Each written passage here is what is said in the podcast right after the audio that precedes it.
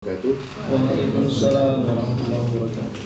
الحمد لله الحمد لله الذي هدانا لهذا وما كنا لنهتدي لولا أن هدانا الله أشهد أن لا إله إلا الله وأشهد أن محمدا عبد الله ورسوله وصفيه وخليله وخيرته من خلقه وعلى آله وأصحابه ومن سار على نهجه واكتفى أثره إلى يوم الدين اللهم لا سهل إلا ما جعلته سهلا وأنت تجعل الحزن إذا شئت سهلا رب اشرح لي صدري ويسر لي أمري واحلل عقدة من لساني يفقهوا قولي Yang saya hormati rekan-rekan dan sahabat eh, warga negara Indonesia maupun eh, teman-teman yang sedang belajar ataupun tinggal di kota Manchester Mudah-mudahan Allah Subhanahu wa taala senantiasa berikan keberkahan dan Allah curahkan rahmat dan kasih sayangnya hingga kita bisa menyempurnakan ibadah Ramadan kita pada tahun ini. Amin ya rabbal.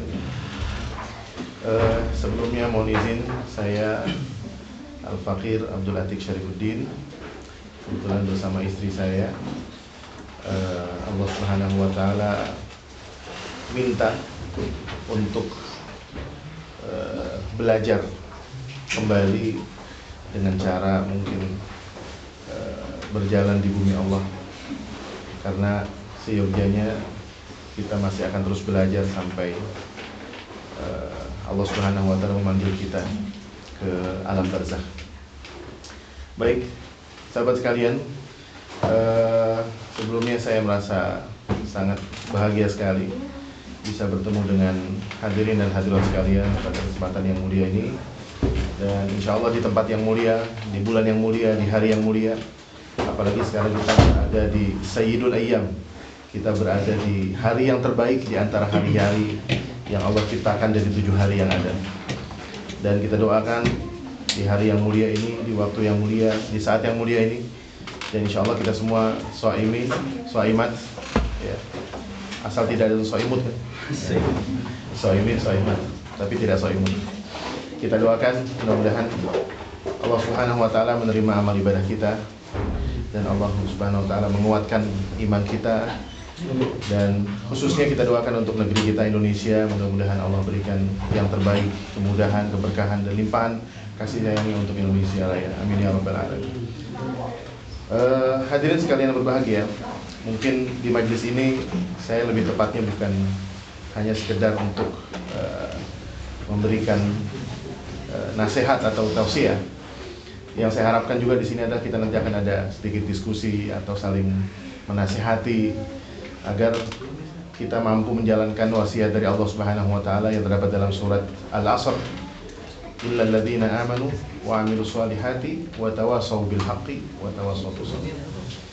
Hadirin sekalian yang berbahagia, pada bulan suci ini Allah Subhanahu wa taala masih memberikan kesempatan kepada kita berupa nikmat-nikmat yang tidak terhitung.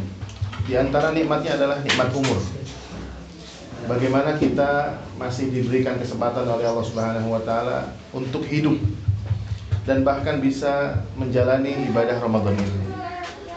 Saya yakin banyak di antara kita yang memiliki keluarga, yang memiliki sahabat, yang memiliki handai taulan, yang kita sendiri tidak pernah mengira kalau seandainya kita pernah bertemu dengan mereka di bulan Ramadan yang lalu, di tahun lalu, dan kemudian pada saat Ramadan tahun ini Allah Subhanahu wa taala tidak memperkenankan mereka untuk bisa bertemu dengan Ramadan.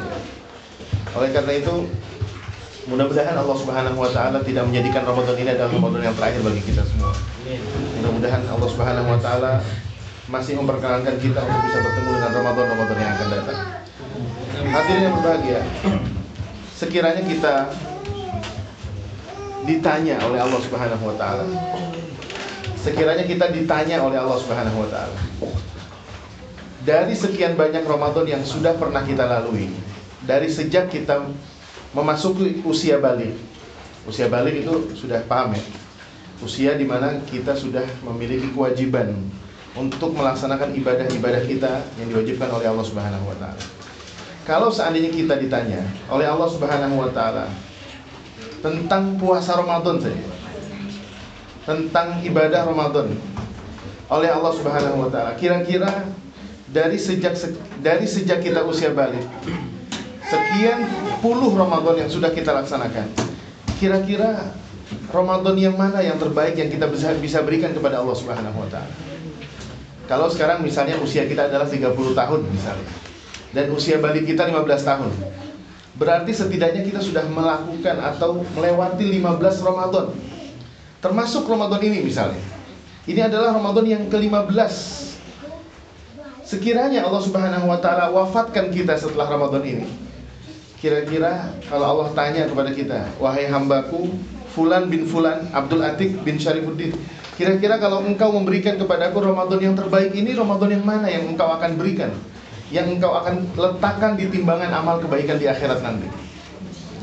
Karena satu di antara ibadah yang Allah Subhanahu wa taala mengatakan di dalam hadis kutsinya dari sekian banyak ibadah itu kalau kita lihat rukun Islam hadirin hadirat yang berbahagia ada ibadah sholat, ada puasa, betul ya?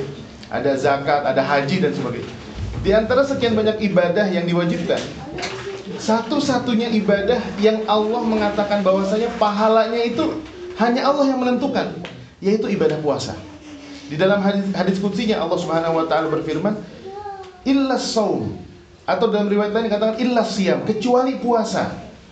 Kalau kita sholat di dalam fikih itu ulama hanya membahas batasannya puasa itu eh sholat itu sah atau tidak. Sholat seseorang ketika penuh, dipenuhi rukunnya, dipenuhi syaratnya, kemudian kewajibannya dipenuhi, maka sholat itu akan sah tergantung kita. Tetapi adapun diterima atau tidaknya itu adalah bukan urusan ulama, tetapi kita yang menentukan. Sejauh mana kita khusyuk dalam sholat kita, sejauh mana kita optimal dalam sholat kita.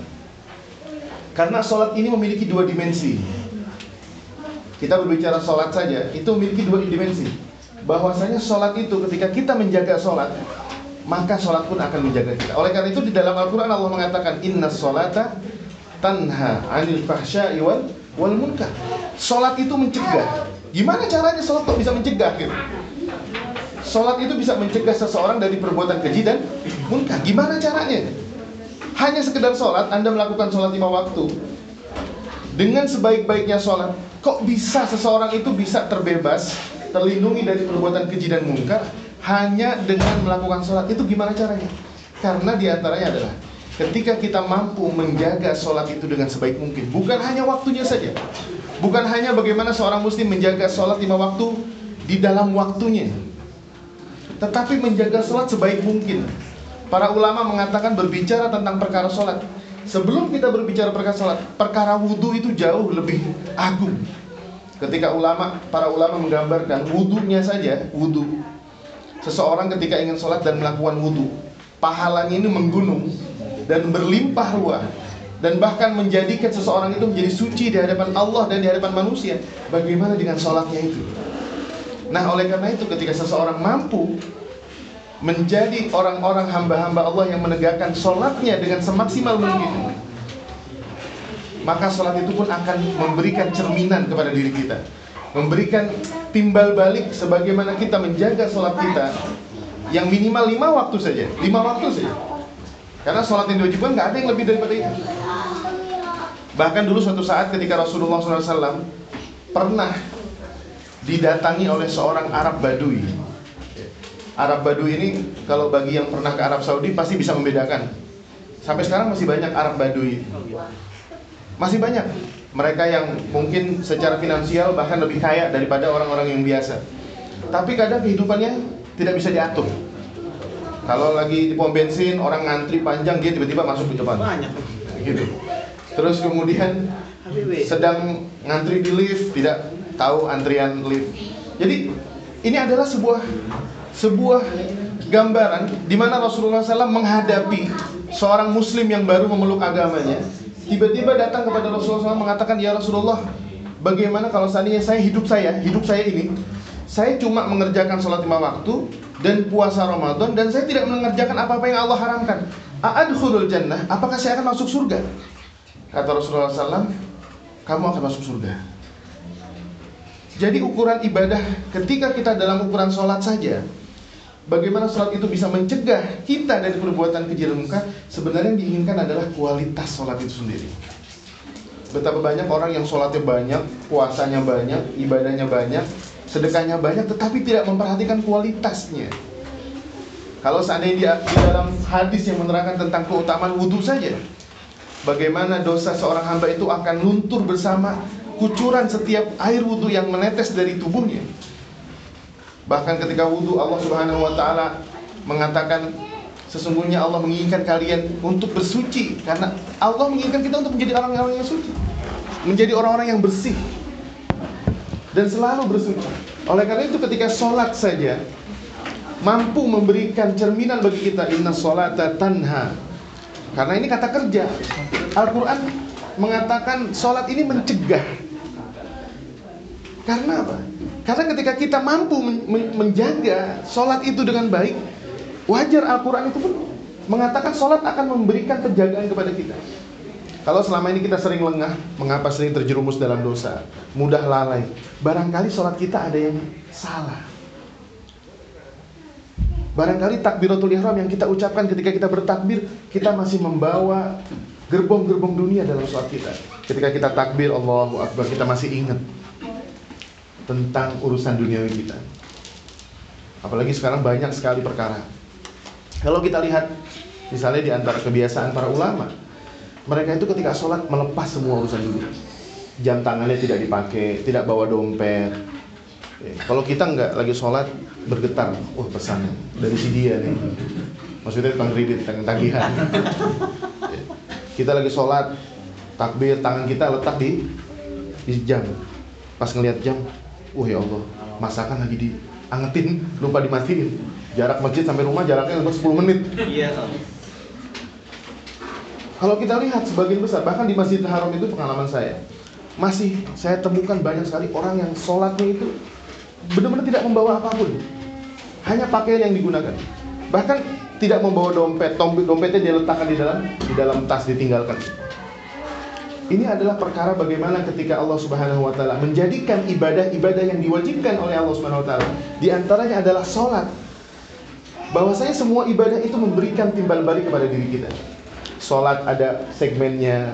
Allah mengatakan inna sholata tanha anil fahsya'i wal munkar.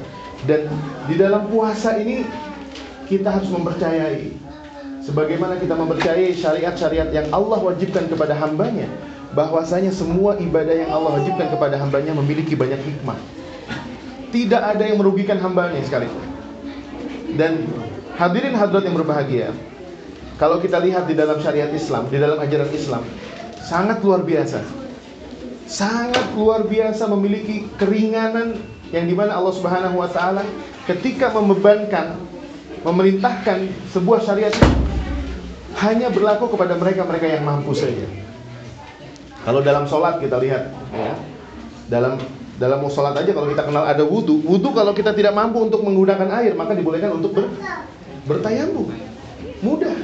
Kalau di dalam Al-Quran dikatakan yuridullahu bikumul yusra wala yuridu bikumul usra. Sesungguhnya Allah itu menghendaki dari kalian kemudahan.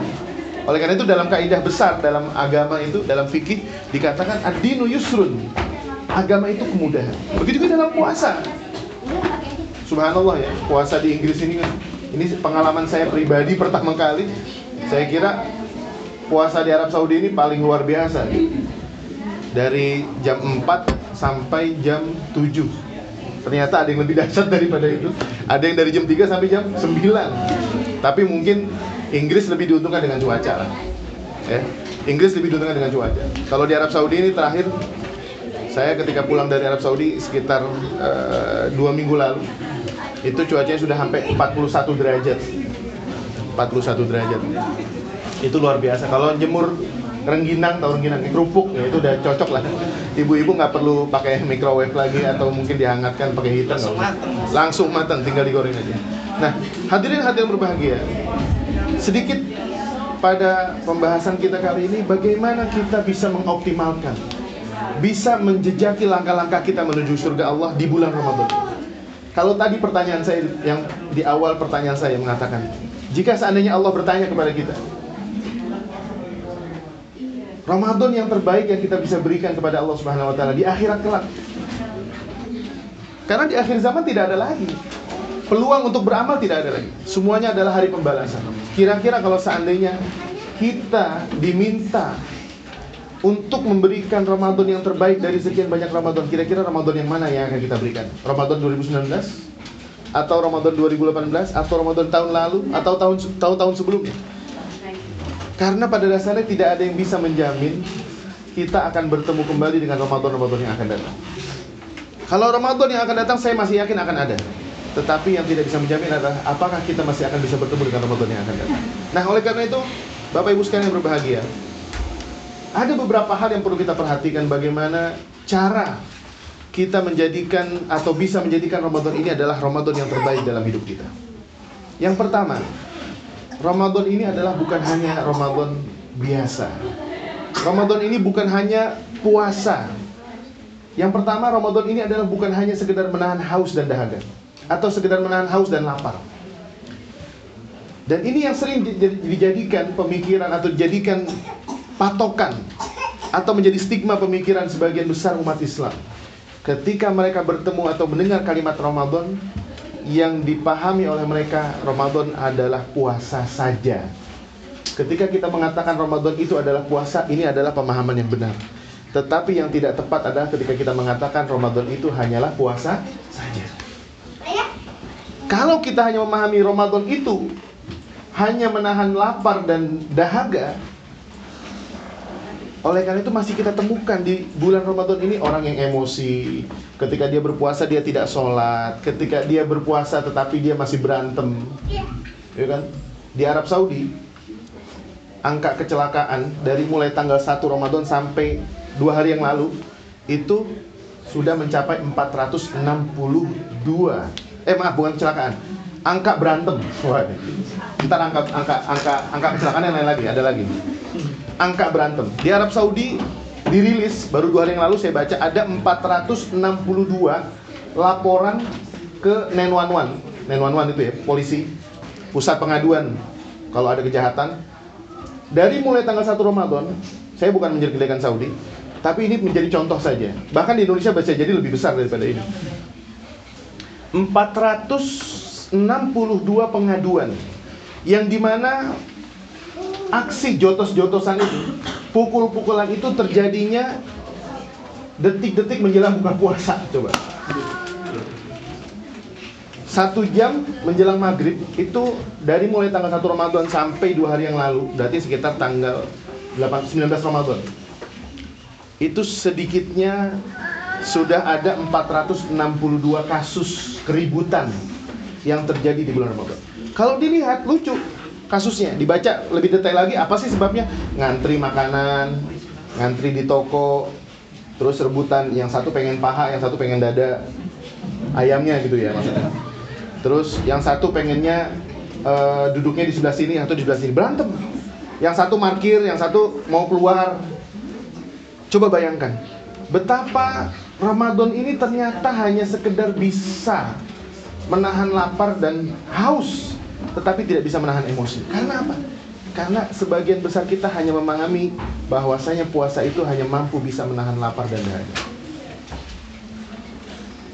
Pantaslah kalau seandainya baginda kita Rasulullah Shallallahu Alaihi Wasallam mengatakan betapa banyak orang yang berpuasa kam min shaimin laisa lahu laisa lahu min siyamihi illa ju'al atash. Betapa banyak orang yang berpuasa tetapi nggak punya bagian apa-apa di sisi Allah kecuali hanya lapar dan dan dahaganya. Karena yang diinginkan orang yang berpuasa ini adalah lebih daripada hanya sekedar menahan lapar dan dahaga. Ini yang pertama.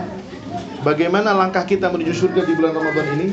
Kita harus memahami bahwasanya puasa tidak hanya sekedar menahan lapar dan dahaga tetapi lebih daripada itu bahwasanya puasa adalah ibadah yang agung. Ramadan ini adalah kumpulan ibadah-ibadah yang Allah kumpulkan di bulan suci ini.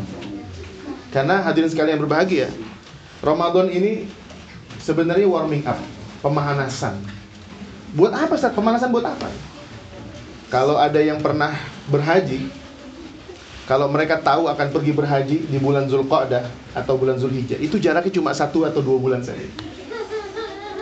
Karena ketika kita berbicara Ramadan ini, kita sudah mampu menjalankan perintah Allah di mana ketika Allah minta kepada kita untuk meninggalkan perkara-perkara yang biasa kita lakukan di luar Ramadan.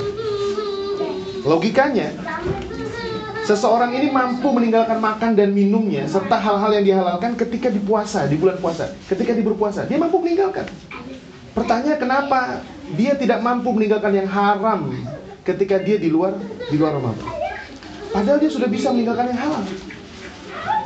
Dan Ramadan ini adalah rangkaian pemanasan bagaimana ketika seseorang ingin menunaikan ibadah yang lebih agung daripada puasa, yaitu ibadah haji, maka dia sudah terbiasa. Kalau ada yang sudah pernah berhaji, khususnya kaum laki-lakinya, pria, kaum muslimnya, muslim prianya, dia bisa menanggalkan pakaiannya dan mengganti dengan dua lembar kain yang di mana para ulama me menganalogikan sebagai dua kain, dua lembar kain kafan.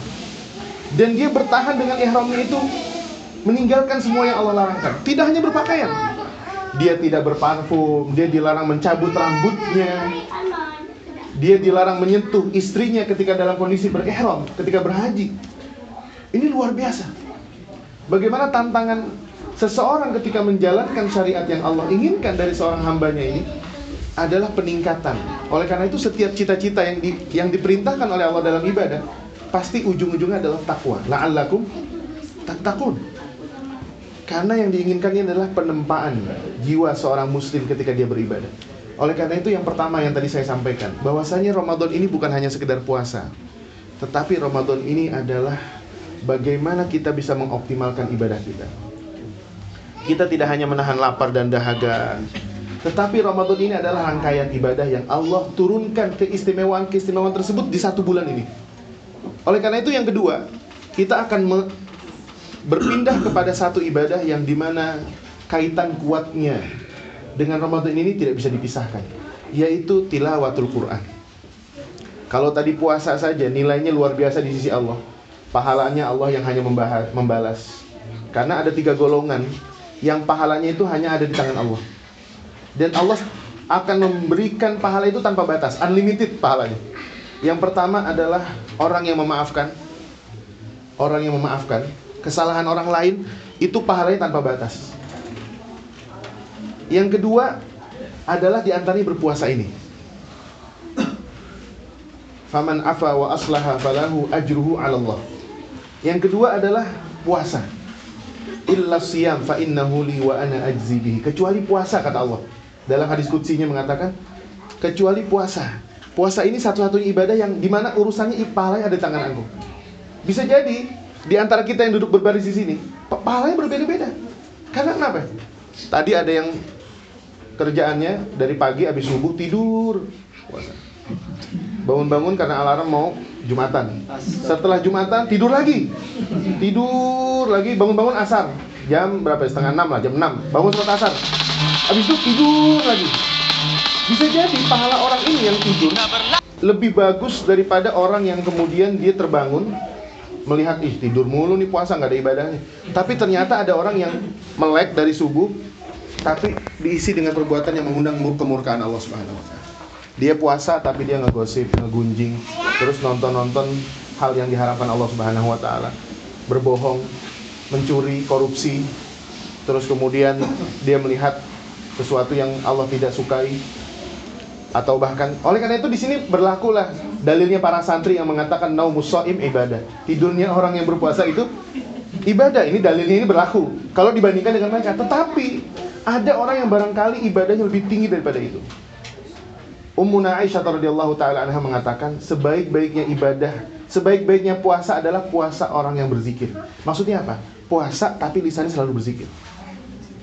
Zikir ini jangan hanya diartikan kita pegang tasbih berzikir subhanallah subhanallah diam enggak.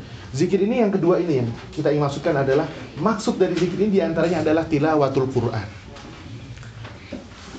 Karena Allah Subhanahu wa taala di dalam Al-Qur'an mengatakan Quran itu sendiri adalah zikir.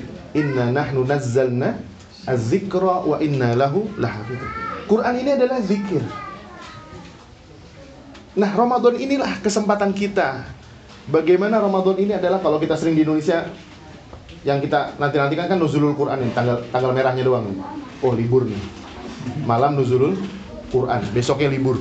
Tanggal merah. Karena apa? Itu tadi.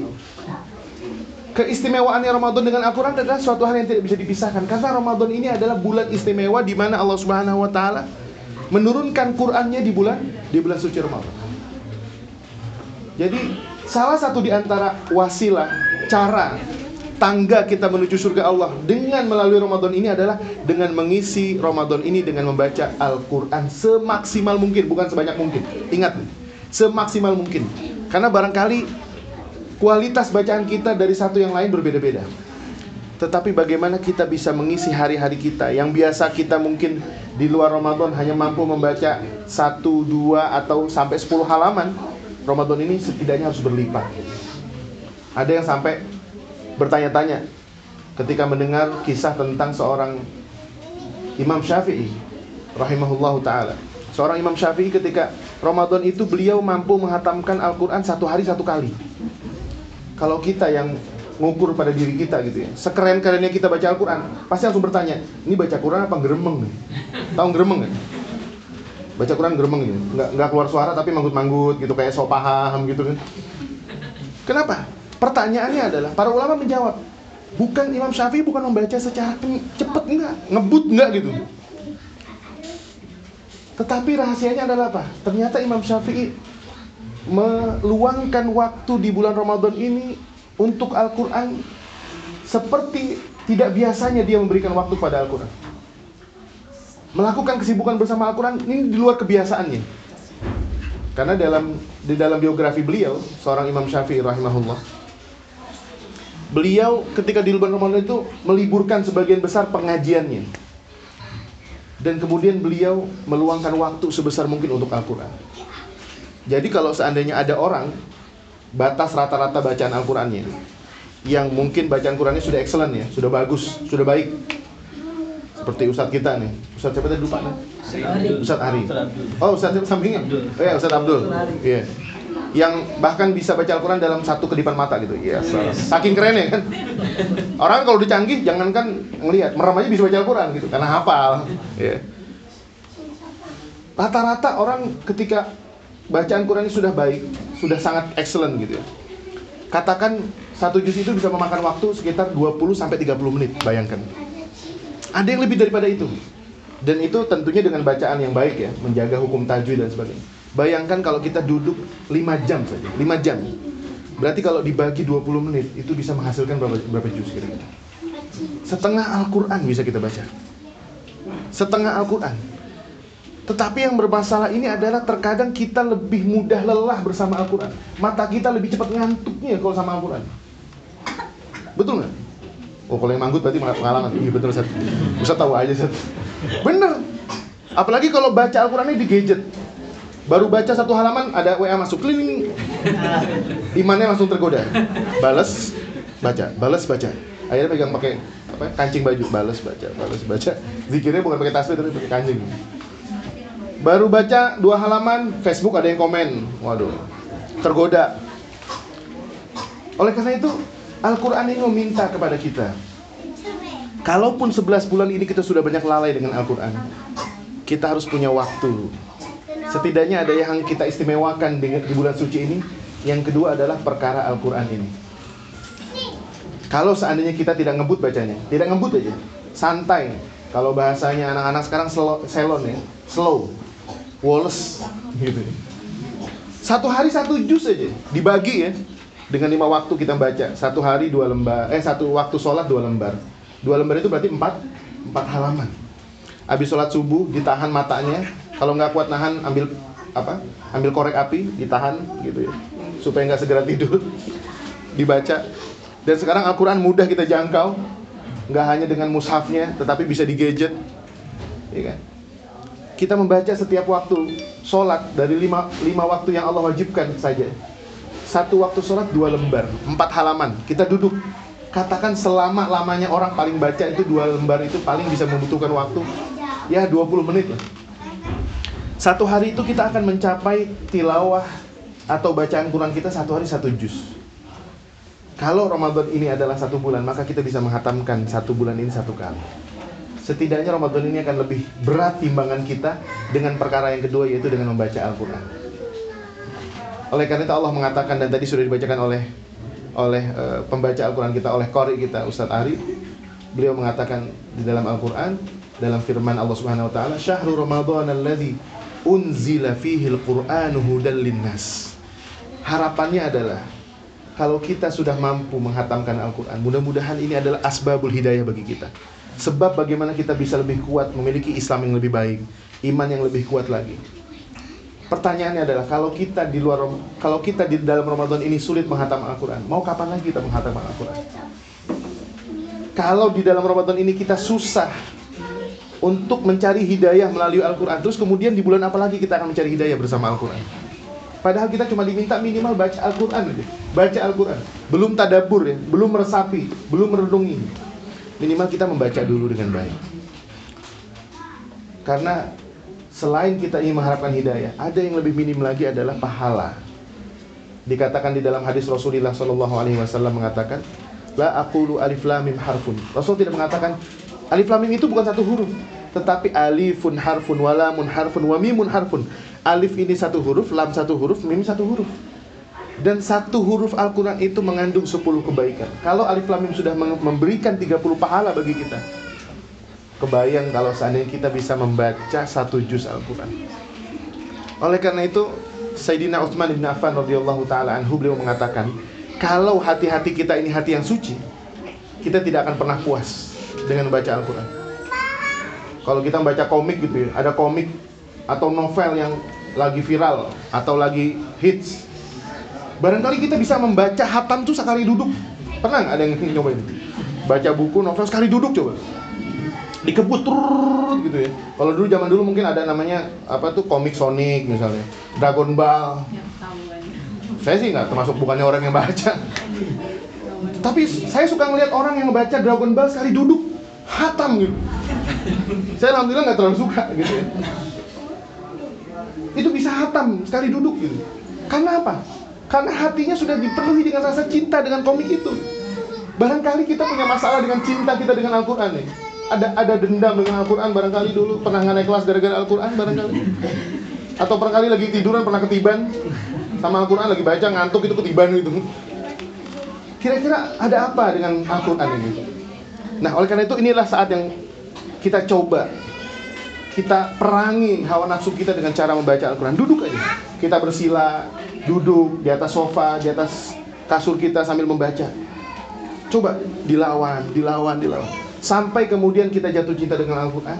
Dan tidak ada lagi ketika kita membaca Al-Quran itu tepian-tepian yang kita ingin kunjungi. Nah, kadang nih ada yang baca Al-Quran nih, kebiasaan. Baru baca dua halaman, udah ngebet halaman selanjutnya. Satu, dua, oh masih lama juga ya. Aduh.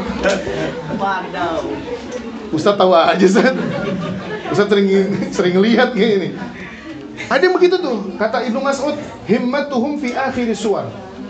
Obsesi mereka di ujung surat, di ujung juz coba. Diintip duluan nih, baru mulai. Udah diintip duluan akhirnya.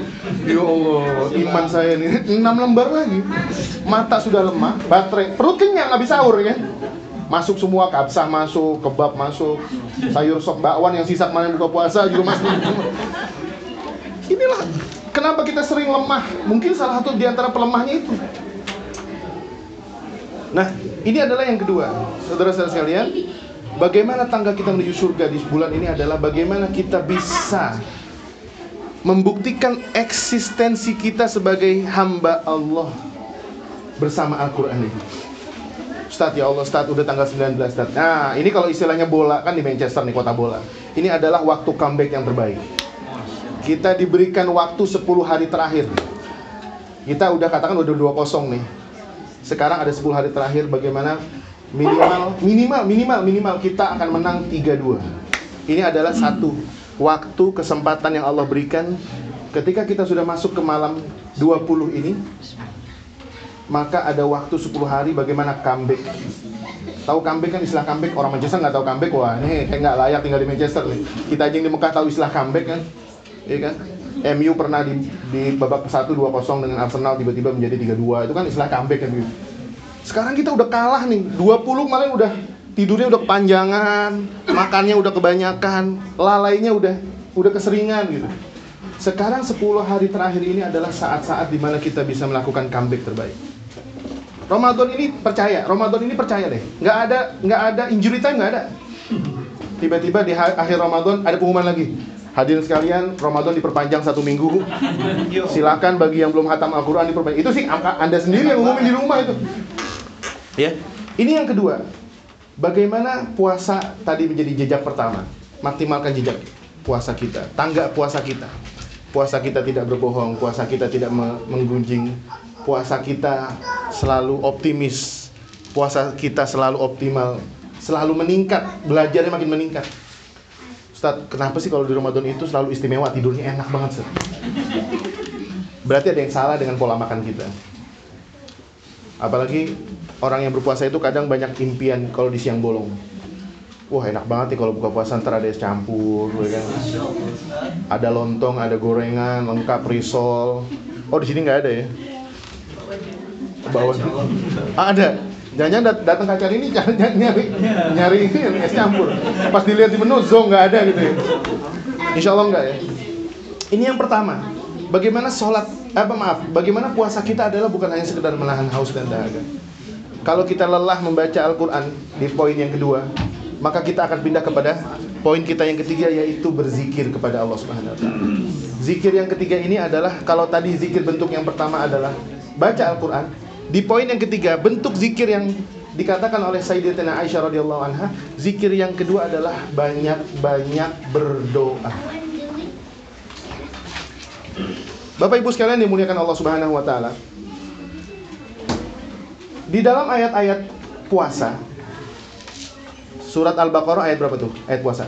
Ya ayyuhalladzina amanu kutiba alaikumusiyam 18 2 atau 3? Benar. 18 183 Ya ayyuhalladzina amanu kutiba alaikumusiyam kama kutiba alal. Kalau kita terus turun ke bawah, itu Allah masih berbicara tentang Ramadan. Ya kan? Kewajiban puasa, terus kemudian tentang keutamaan Al-Qur'an di bulan puasa dan sebagainya. Sampai kemudian kita sampai tiba di pojokan Al-Qur'an di ayat-ayat puasa itu ada di ayat yang terakhir. Sebelum kita pindah Uhillalakum lailatas siyam di halaman berikutnya di yang bawah 186 kalau nggak salah. Itu ada ayat yang berbunyi wa idza sa'alaka ibadi anni fa inni qarib. Wahai Muhammad, kalau ada hambaku yang bertanya kepadamu tentang diriku, tentang Allah. Di dalam Al-Quran ini, hadirin sekalian yang berbahagia, bentuk yas'alunaka, bentuk wa idza sa'alaka atau wa idza yas'alunaka itu ada sekitar 17 bentuknya seperti itu. Allah memberikan pengajaran kepada nabinya kalau ada yang bertanya kepadamu wahai Muhammad. Contohnya yas'alunaka anil an anfal. Yas'alunaka anir ruh yas'alunaka anil ahillah. Nah di dalam ayat puasa ini ada yang berbunyi wa idza sa'alaka. Kalau ada yang bertanya jika ada yang bertanya kepadamu wahai Muhammad Bentuknya yas'alunaka ini Allah akan mengatakan kul setelah itu yas'alunaka anil anfal kulil anfal katakan. Rasulullah SAW didikte. Bukan didikte ya diajarkan menjawabnya. Kul katakan wahai Muhammad. Tetapi dalam perkara doa ayat doa ini Allah tidak mengatakan kul ini qarib. Tapi Allah mengatakan ini qarib langsung tanpa ada pembatas kalimat kul hikmahnya adalah apa? Memang Allah benar-benar dekat oleh karena itu ketika Allah mengatakan idza sa'alaka wa idza sa'alaka ibadi anni Allah langsung mengatakan fa inni qarib. Kenapa ayat ini kok di tengah-tengah tiba-tiba berbicara tentang doa? Karena Ramadan ini adalah bulan di mana Allah Subhanahu wa taala sepanjang harinya akan mengabulkan semua doa kita. Cukup orang yang berpuasa saja di luar Ramadan nih, di luar Ramadan. Kita berpuasa. Boleh nggak Ustaz? Puasa dalam Islam itu sepanjang tahun 360 harian itu hanya ada dua waktu yang kita nggak boleh berpuasa. Yang pertama hari raya, eh, ada lima hari mohon maaf. Pertama hari raya Idul Fitri, yang kedua hari raya Idul Adha, dan yang ketiga pada tanggal 13, eh tanggal 11, 12, 13. Jadi tanggal hari raya Idul Fitri satu Syawal. Yang kedua pada tanggal 10 Zulhijjah ketika kita berhari raya Idul Adha. Kemudian tanggal 11, tanggal 12 dan tanggal 13 yang disebut dengan hari tar hari tasyrik, maaf, hari tasyrik. Jadi lima hari aja. Di luar 360, di luar lima hari dari 360 hari. Berarti ada sekitar 355 hari katakan seperti itu. Kita nggak berpuasa, eh kita berpuasa bukan hari tertentu. Tiba-tiba kita bangun, Allah bangunkan, Allah beri hidayah kepada kita, bangun, kemudian ah saya mau puasa hari ini. Karena untuk mendekatkan diri pada Allah. Bukan hari yang spesial, bukan hari ulang tahun kita, bukan hari apa. Pokoknya berpuasa aja. Dikatakan dalam hadis Rasulullah SAW, Man sawma yauman. Coba. Barang siapa berpuasa satu hari aja. Fisabilillah. Karena niatnya untuk mencari mencari ridho Allah Subhanahu wa taala. Ab'adahu Allahu minan nar. Allah akan jauhkan dia dari api neraka. Ini yang membedakan kita adalah niatnya. Jadi bukan karena uang jajan habis atau habis galau semalam ada yang habis putus gitu kan. Untuk move onnya caranya puasa. Terus laporan ke si dianya bilang saya mau makan, padahal emang puasa.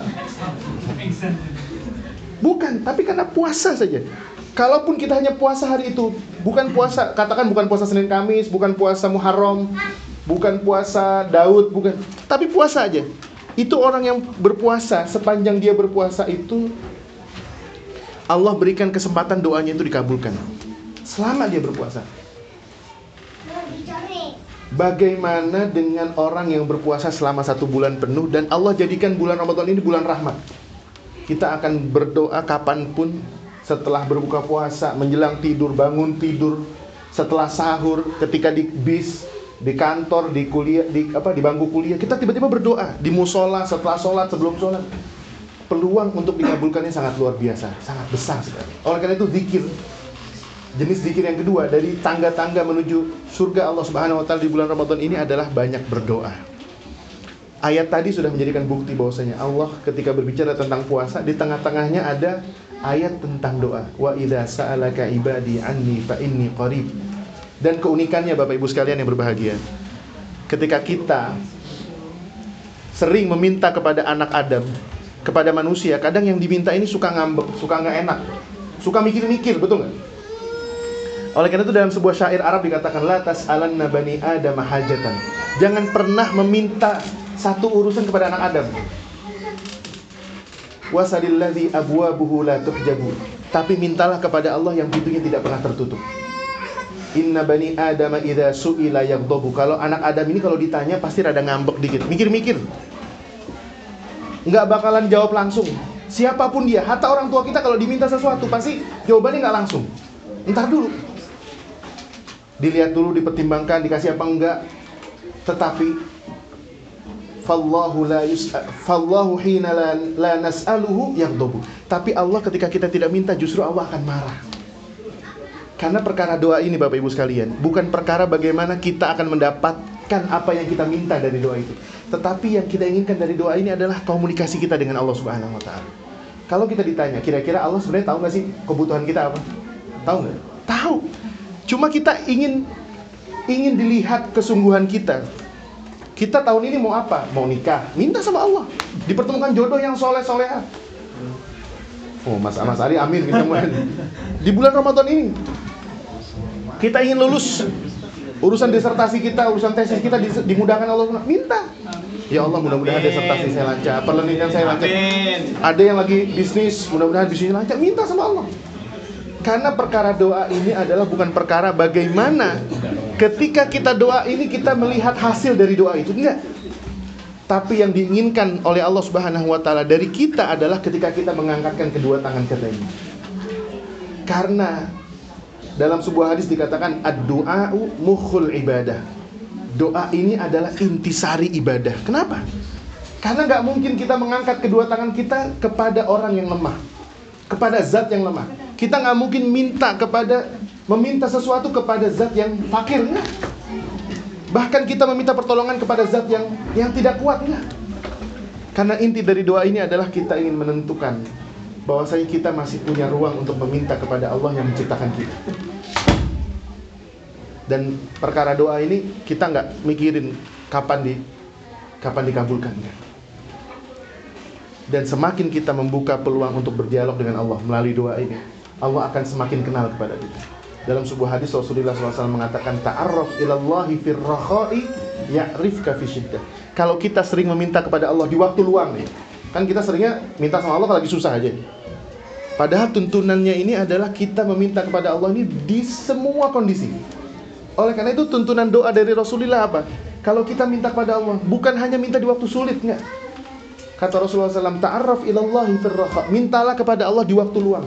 Jadi ketika kita di, kita minta dan datang kepada Allah di waktu susah, kita sudah terbiasa. Sudah dikenal oleh Allah Subhanahu wa taala. Oleh karena itu inilah yang ketiga. Agar Ramadan kita bermakna dan menjadi Ramadan yang terbaik adalah yaitu tadi. Perbanyaklah berdoa. Dan satu-satu, salah satu di antara ibadah yang mudah ini adalah doa. Coba kalau kita tanya, kalau kita mau sholat kita harus wudhu, betul nggak? Kalau puasa kadang kita harus sahur dulu sunnahnya. Harus ada niatnya dulu. Kalau doa nggak pakai niat. Duduk di taman belakang rumah kita atau duduk di depan di sofa ruang tamu kita atau di ruang kuliah kita lagi menunggu dosen tangan kita diangkat. Berdoa. Kalau seorang Paul Pogba aja bisa doa di tengah lapangan. Ya kan? Paul Pogba bisa berdoa di tengah lapangan sebelum memulai, ya kan? pertandingan. Kenapa kita tidak pernah mengangkat kedua tangan kita sebelum memulai? Memulai ujian. Perkara doa ini nggak ada yang kadang kita cuma gengsi doang. Ngangkat tangan, lirik, waduh, lagi ada hajat ketahuan sama orang. Enggak. Orang juga nggak ada yang tahu hajat kita apa gitu. Bagi yang pernah ke mana tuh? Ke Madinah ya, pernah ziarah ke Masjid Nabawi sallallahu alaihi wasallam. Ini ada pernah kejadian seorang ipar saya berdoa di Raudhah. Raudhah ini kan tempatnya kecil, mungkin seperti inilah luasnya. Mungkin lebih besar sedikit. Berebutan kan orang pengen doa itu ganti-gantian antri. Ada seorang bapak nih doanya lama gitu. Kebetulan dari suku Jawa. Ipar saya juga dari Jawa, dari Pati. Doa panjang gitu. Karena gantian dicolek-colek, "Pak, gantian, Pak." Pak, gantian, Pak gitu. Sedikit rada medok jawanya. Kata si bapak yang tegur, "Nanti lu sebentar. Saya masih doa ini." Ini ipar saya ini lama, dihitung sama dia 20 menit lewat kok doanya nggak selesai-selesai gitu. Pas dia udah capek diri, duduk ke bawah. Ada ada ruang sedikit untuk apa namanya? Untuk sila gitu. Sambil dia duduk, saya penasaran nih orang doanya panjang banget nih. Kalah kalah kalah doa hatam Quran kan. Pas duduk itu sambil di sambil didengerin doanya apaan? Ternyata doanya itu dia dari tadi tuh masih mikir-mikir doa apa. Bahasa Jawanya oponehyo. Oponehyo, tahu oponehyo? Ini bukan bahasa Korea loh ya. Ini bahasa Jawa yang artinya apalagi ya, apalagi ya gitu. Masih mikir doanya apa gitu. Padahal doa itu nggak mesti pakai bahasa Arab, saudara-saudara. Doa itu boleh kita panjatkan dengan berbagai macam bahasa. Antum lebih fasih, kalian bisa fasih dengan bahasa Inggris, pakai bahasa Inggris. Karena satu-satunya ibadah yang sangat luas sekali cara, waktu, dan ruangnya adalah doa ini. Doa. Ini yang ketiga adalah tangga kita menuju surga Allah. Agar Ramadan ini lebih optimal, lebih baik adalah memperbanyak ibadah. Barangkali kalau di gadget kita itu ada aplikasi yang bisa membaca. Aplikasi apa yang sering dibuka kan ada gitu ya. Kalau di iPhone kan ada tuh.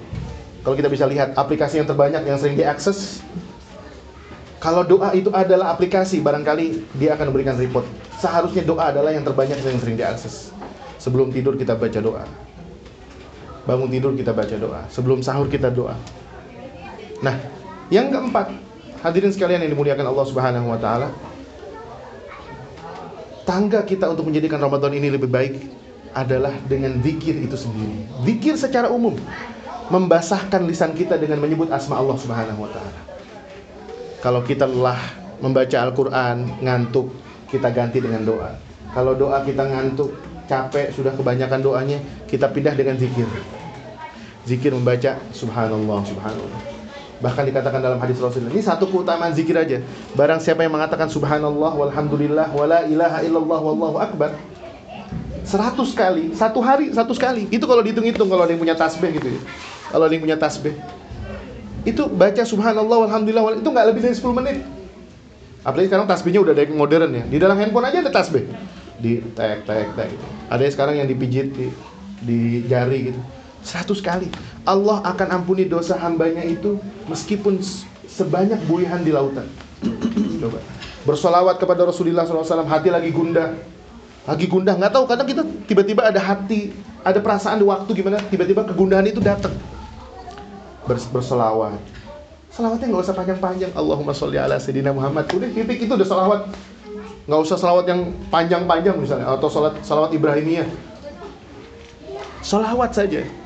Tanpa kita sadari zikir itulah yang kemudian Allah Subhanahu wa taala mengatakan ala bi dzikrillah tatmainnul Zikir inilah yang kemudian menjadikan hati. Percaya. Ketika kita hati gundah, bingung harus bicara dengan siapa, harus ngobrol dengan siapa, harus ngapain, kalau lisan kita selalu basah dengan zikir-zikir istighfar, salawat, tasbih, ya kan? Kalimat la ilaha illallah.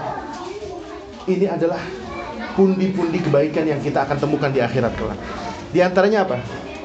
Dalam perkataan Ummuna Aisyah radhiyallahu taala anha di akhir uh, dalam sebuah hadis disebutkan tuba liman wujidat fi sahifatihi kasratul istighfar.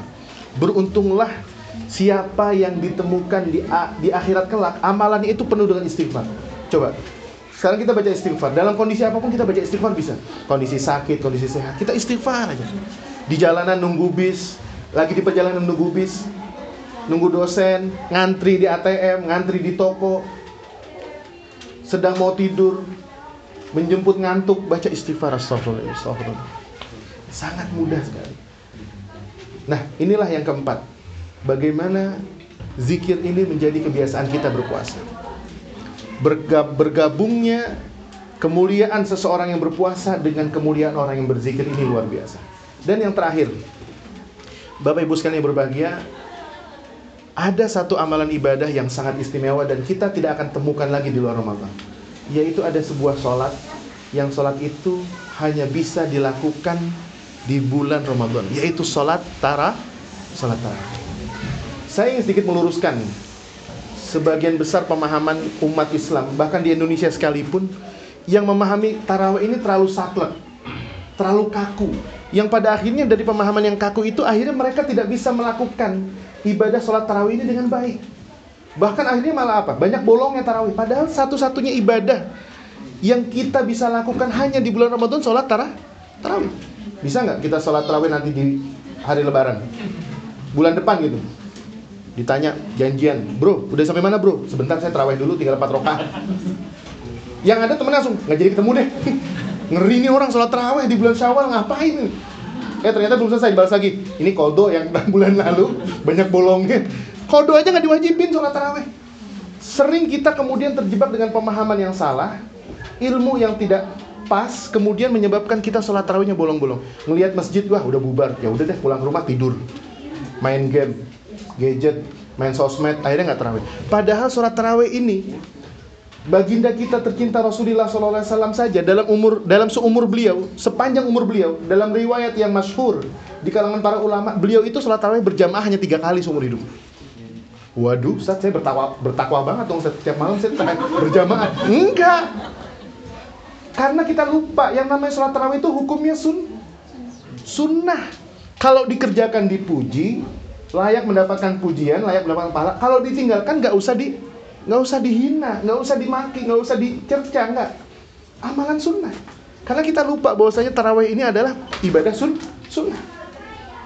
Maksud dari Rasulullah SAW hanya berjamaah sebanyak tiga kali ini ingin menegaskan kepada sahabat dan kepada para umatnya sampai akhir zaman bahwasanya sholat tarawih ini fleksibel saudara-saudara.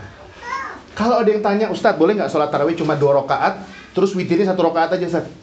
Badannya capek apalagi di Inggris malamnya pendek banget. Jam 9 selesai buka puasa 9.30 ngobrol-ngobrolnya selesai ngobrol 15 menit 9.45 Oke siap 9.45 ya kan ngobrol jadi sholat isanya Isya kurang 10 menit baru sholat maghrib.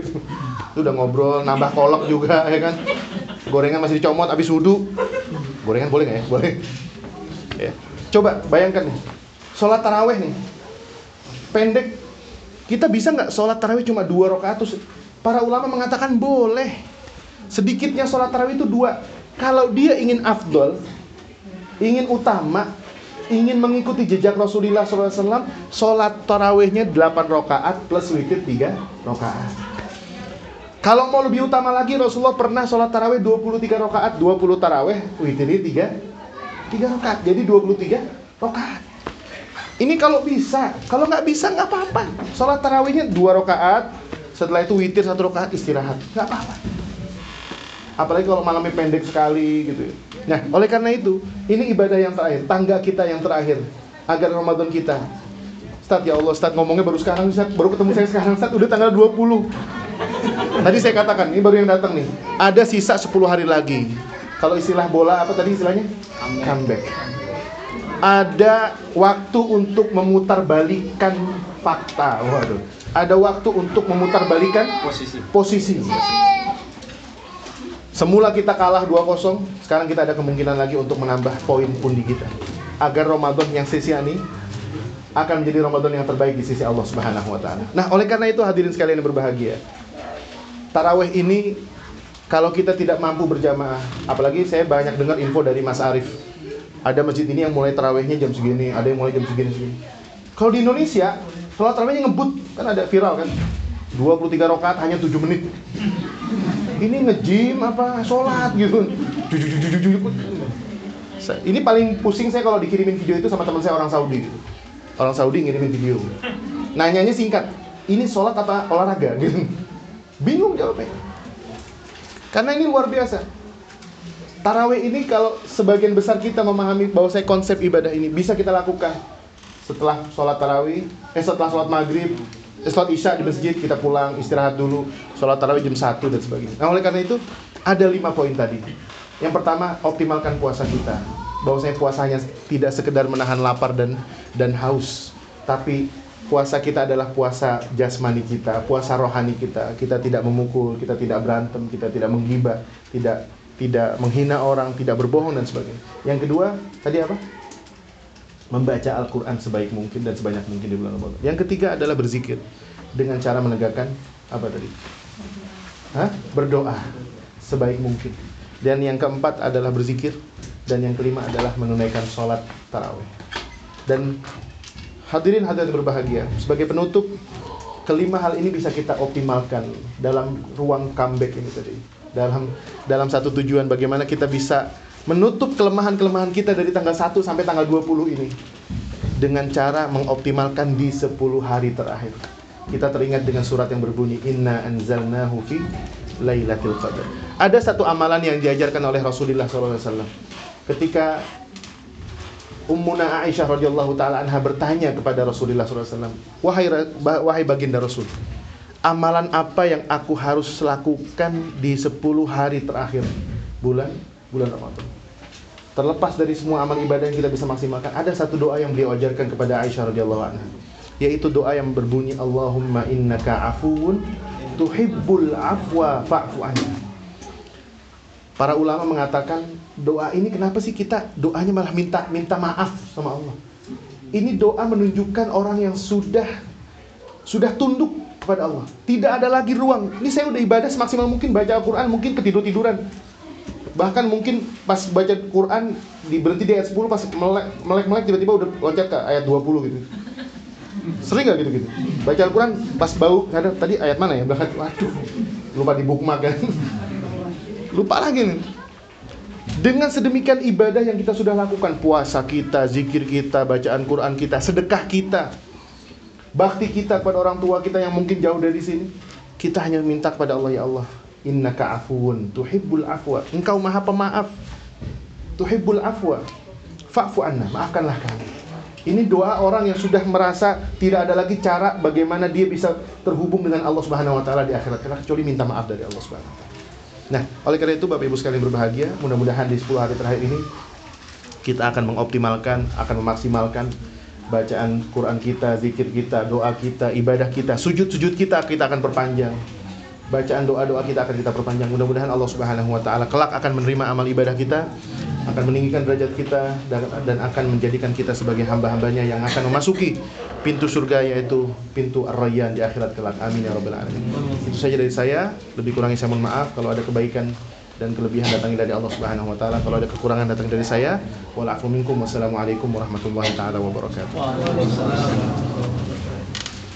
Eh, Terima kasih banyak Ustaz atas tausiahnya. Eh, jadi karena keterbatasan waktu jadi tidak akan dibuka sesi tanya jawab. Dan eh, sekitar 10 menit lebih lagi akan menjelang maghrib. Dan ini adalah waktu terbaik kita untuk berdoa. Sebagaimana tadi Ustadz sampaikan maka alangkah baiknya eh, kita mohon Ustadz untuk bantu kita eh, pimpin berdoa gitu secara khusyuk mudah-mudahan eh, meskipun posisi kita di basement ini bisa tembus ke langitnya bisa Ya, lebih cepat amin. insya Allah Amin. Ada Ustadz Baik. sekitar 10 menit. Baik Bapak Ibu sekalian berbahagia yang dimuliakan Allah Subhanahu wa taala. Mari kita manfaatkan satu waktu dan satu kesempatan yang dijanjikan oleh Rasulullah Shallallahu alaihi wasallam bahwasanya ada satu waktu di mana waktu-waktu menjelang, detik-detik menjelang buka puasa adalah waktu yang sangat utama untuk berdoa kepada Allah Subhanahu wa taala. Mari kita tundukkan hati kita, kita bukakan hati kita untuk Allah Subhanahu wa taala. Mudah-mudahan Allah Subhanahu wa taala berkenan mengabulkan doa-doa kita. Mudah-mudahan Allah Subhanahu wa taala berkenan menerima amal ibadah kita. Dengan mengangkatkan kedua tangan kita kita minta kepada Allah Subhanahu wa taala dengan penuh ketauhidan, dengan penuh ketundukan kita kepada Allah Subhanahu wa taala. Bismillahirrahmanirrahim. Alhamdulillahi rabbil alamin, hamdas syakirin, hamdan yuwafi ni'amahu wa yukafi'u mazidah. يا ربنا وإلهنا ولك الشكر كما ينبغي لجلال وجهك وعظيم سلطانك. سبحانك لا نحصي ثناء أنت كما أثنيت على نفسك. فلك الحمد حتى ترضى ولك الحمد إذا رضيت ولك الحمد بعد الرضا. اللهم يا حي يا قيوم يا بديع السماوات والأرض ومن فيهن. اللهم يا حي يا قيوم أنت نور السماوات والأرض ومن فيهن. اللهم يا حي يا قيوم أنت خالق السماوات والأرض ومن فيهن. أنت خالقنا وأنت رازقنا. ارحمنا برحمتك الواسعة ارحمنا برحمتك الواسعة. اللهم إنا نسألك رضاك والجنة ونعوذ بك من سخطك والنار. اللهم إنا نسألك في هذه الساعة المباركة. وفي هذا اليوم المبارك وفي هذا الشهر المبارك أن تعتق رقابنا ورقاب آبائنا وأمهاتنا من النار. اللهم اعتق رقابنا ورقاب آبائنا وأمهاتنا من النار. اللهم إنا نسألك حبك وحب من يحبك وحب العمل الذي يقربنا إلى حبك. اللهم إنا نعوذ بك من سخطك وبمعافاتك من عقوبتك وبك لا نحصي ثناء أنت كما أثنيت على نفسك. فلك الحمد حتى ترضى ولك الحمد إذا رضيت ولك الحمد بعد الرضا.